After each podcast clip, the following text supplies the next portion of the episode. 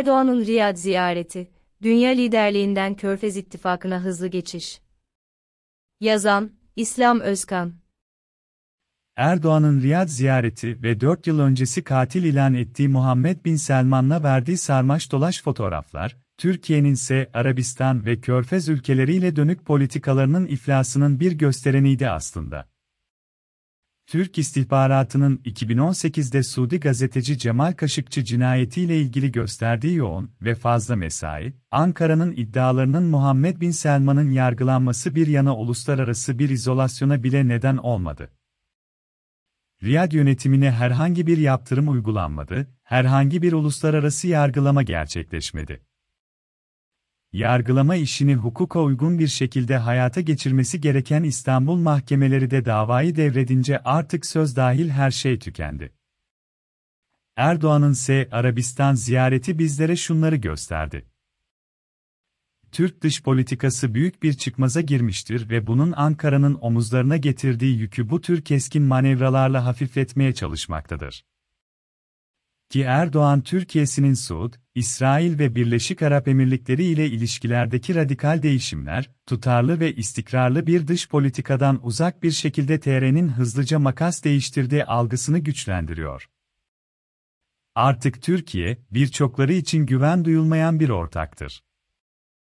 Şu bunun yanında güçlü ülkeler gerekli baskı enstrümanlarına sahiplerse Türkiye'ye istediklerini yaptırabileceklerine ilişkin bir izlenim verilmiştir. 4. Dış politika, ülkenin tamamını ilgilendiren, toplumun her kesimi için geri dönülemez sonuçlar doğuran bir alandır ve bu nedenle de toplumun temsilcisi konumundaki kurumlarla istişare etmeyi, onların da görüşünü almayı gerektirir.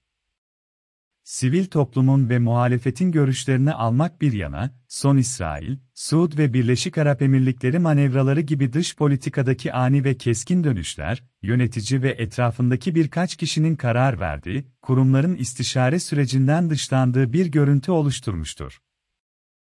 Zira istişare edilse ve görüş alınsaydı toplumun geniş kesimlerince tartışılırdı, ama bu olmadığı gibi biz karşılıklı ne alıp verildi, neyin karşılığında nelerden taviz verildi ana başlıklarıyla bile bilmiyoruz.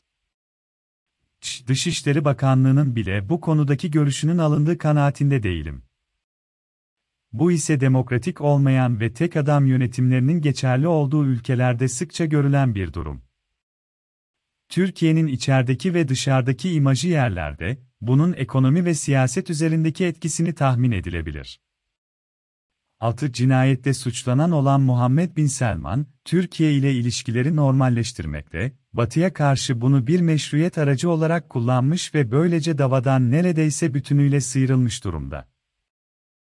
İki ülke arasında Arap saçına dönen ilişkiler düğümü geçen yılın, 2021, başında Biden'ın başkanlığa geçmesi ve demokratların devlet politikalarında söz sahibi olmasıyla birlikte çözülmeye başladı. Suud liderliğindeki Körfez İttifakı Türkiye'nin desteklediği Katar üzerindeki ablukasını kaldırdı. Karşılıklı uçak seferleri başladı ve sınırlar her anlamda açıldı, karşılıklı ticari ilişkiler yeniden hareketlilik göstermeye başladı. Buna rağmen Ankara ile ilişkilerde bir gelişme yaşanmadı ama Doha ile buzların erimesi, Ankara ile de bir takım gelişmelerin yaşanacağına dair sinyaldi. Nitekim Arap basınında çıkan ve Adalet ve Kalkınma Partisi yönetiminden sızan bazı haberler bu hissiyatı teyit eden gelişmelerdi. Türkiye-Katar ittifakının ana nedenlerinden biri olan Körfez krizinin sona ermesi ve ardından Ankara'nın Türk mallarına boykotu sona erdirmek için müzakerelere girmesiyle verilen sinyaller yavaş yavaş güçlenmeye başladı. Türkiye'li diplomatların geçen yılın Mayıs ayında Mısır ile görüşmesi ve ardından Birleşik Arap Emirlikleri ile uzlaşmanın sonuçlandırılması, Abu Dhabi Veliaht Prensi Muhammed Bin Zayed'in geçen Kasım ayında Ankara'ya yaptığı ziyarette Dora ulaştı. Bu gelişmeler Suudi Arabistan ile Türkiye arasında bu aşamaya gelinmesinin önünü açtı. Bir kez şunu teslim etmeli ki ne bu ziyaret ne de bu ziyarette gerçekleştirilmek istenilen sonuç, Ankara'nın iradesi doğrultusunda şekillenmiş değil. Ankara, yıllardır içinde olduğu cenderinin içinden çıkmak ve bütün yaşanan olumsuzluklardan kurtulmak derdinde. Dolayısıyla burada söz konusu olan kendi değişim iradesi olmayıp içerisinden geçmekte olduğu koşulların tayin ediciliği söz konusu. Bu anlamda hatta bir savrulmadan bile söz edilebilir. Böyle bir savrulma içerisinde olan herhangi bir yönetiminde sağlıklı bir karar alması da söz konusu olamaz. Suud tarafına gelince Joe Biden'in başkan olmasının ardından bölgede Amerika Birleşik Devletleri politikasında meydana gelen dönüşüm, aktif bölgesel güçlerin anlaşmazlıklarına son vermeleri ve bu ihtilafları nasıl yönetecekleri konusunda bir anlayışa ulaşmaları için ilave bir teşvik sağladı. Türkiye'nin gelişmekte olan askeri sanayisiyle ilgili olarak Körfez ülkeleri, Türk askeri sanayinden yararlanabilme ve belki de buralara yatırım yapabilme fırsatını düşündürttü. Ayrıca Türkiye'nin NATO üyeliği ve Rusya'nın birçok alanda oynadığı rolü dengelemede Batı'nın kendisine verdiği önem bölge ülkeleri için stratejik önemini artırdığı da söylenebilir. Taraflar arasında 10 yıldan fazla süredir devam eden rekabet, bölgesel denklemde hiçbirinin lehine köklü bir değişikliğe yol açmadığı gibi hem tarafları, bu çatışma ve olumsuz rekabetin tarafların hiçbirisinin lehine sonuçlanmayacağına dair bir kanaat oluşma anlamında, yordu hem de aralarındaki işbirliği fırsatlarını da tüketti. Bu yıpranma, İran gibi diğer rakip güçlerin bölgesel rolünü güçlendirmesine Körfez ülkelerinin kendi aralarında İran'a karşı birlik olmalarına ket vurdu. Erdoğan'ın Riyad ziyaretiyle ilgili Riyad'a yakın çevrelerin vurgusu ise, daha çok Türkiye'nin başka ülkelerin iç işlerine karışmaktan vazgeçmesi ve devletin egemenliğine karşılıklı saygı üzerinde odaklanıyor. Suudiler, Arap ulusal güvenliğini korumaya istekli olduklarını belirtirken bölgeyi istikrarsızlaştırmak isteyenlerin karşısında ortak hareket edilebileceğini söylüyorlar ki bununla İran kastedildiği anlaşılıyor. Te yandan İran'la S. Arabistan arasındaki ilişkilerin normalleştirilmesi amacıyla Irak Başbakanı Kazimi'nin arabuluculuk ettiği görüşmelerin devam ettiğini, Kazimi'nin son açıklamasına göre tarafların anlaşmaya oldukça yakın olduğunu biliyoruz. Bu tam anlamıyla normalleşmenin gerçekleşmesi ve tarafların buna bağlı kalmaları durumunda Yemen'de savaşın durması demek. İran-Suud anlaşması ve normalleşmesinin Türkiye'ye elbette olumlu ve olumsuz etkileri olacak. Öncelikle böyle bir anlaşma, rekabetin bütünüyle ortadan kalkacağı anlamına gelmediği gibi İran'ın bölgesel düşman olarak kabul ettiği İsrail'e karşı tutumunda bir değişiklik olacağı anlamına da gelmiyor. İsrail meselesi, Suud-İran normalleşmesini kırılgan hale getiren bir unsur. Dolayısıyla İran-İsrail geriliminin tarafların ilişkileri üzerinde hiçbir etki meydan getirmeyeceğini söylemek zor.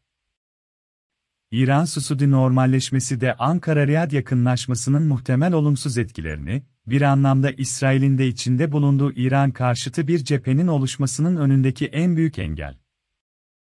Görünen o ki İran, Türkiye ile Suud arasında alttan alta devam eden görüşmelerden haberdar oldu ve bölgede bir İran karşıtı ittifakın oluşmaması için belki de Riyad yönetimiyle olan görüşmeleri hızlandırdı. Öte yandan Libya'daki ihtilaf ve Suriye'deki gelişmelere bakıştaki farklılıklar, taraflar arasındaki ilişkilerin yeniden eski, o güzel günlerine dönmesini sıkıntıya sokacak önemli iki stratejik nokta gibi görünüyor. Libya'da anayasa ve seçimler konusunda ciddi ilerlemeler kaydedilmesine rağmen son anda yaşanan sorunlar, nihai bir çözüme ulaşmayı engelliyor. Suriye'de ise tam bir kilit durumu yaşanırken Körfez ülkeleri, YPG ve Körfez'e yakın muhalif grupları desteklemekten vazgeçeceğine dair şu ana kadar bir sinyal vermiş değil. Bundan sonra Riyad ile Ankara arasında yeniden bir kriz durumu yaşanırsa, bunun muhtemel nedenleri Suriye ve Libya'da yaşanan gelişmeler olması muhtemel. Ayrıca Müslüman kardeşlerin bölgede tehlike olmaktan çıkacak kadar zayıflaması da ihvan dosyasının kapatılması ve Türkiye'nin ihvandan desteğini yavaş yavaş çekeceğine dair sinyaller göndermesinde etkili olmuş görünüyor. Erdoğan bilindiği gibi güce oldukça önem veren siyasetçi. İhvan'ın yaşadığı kan kaybı, örgütün artık kendisi için eskisi kadar faydalı ve verimli olmayacağı kanaati oluşturmuş olmalı. Nitekim İhvan'a yakın kanallardan, Mükemmel'in adlı kanal, bir açıklama yayınlayarak merkezini İstanbul'dan ülke dışına çıkaracağını kaydetti. Ankara, İhvan liderliğini ve yönetimini bütünüyle sınır dışı etmese de faaliyetlerini sınırlama konusunda oldukça kararlı görünüyor. Şark, adlı TV kanalında Sisi yönetimine oldukça serte eleştiriler getiren Mutez Matar'ın programlarının durdurulması, bugün atılan adımların işaret fişeğiydi. Ankara bundan sonra çok daha radikal adımlar atarsa buna şaşırmamalı. Ancak bu durumda da dünya liderliği söyleminin ve Türkiye'nin oyun kurucu ülke olduğu yönündeki iddialar nereye gidecek merak etmemek elde değil doğrusu.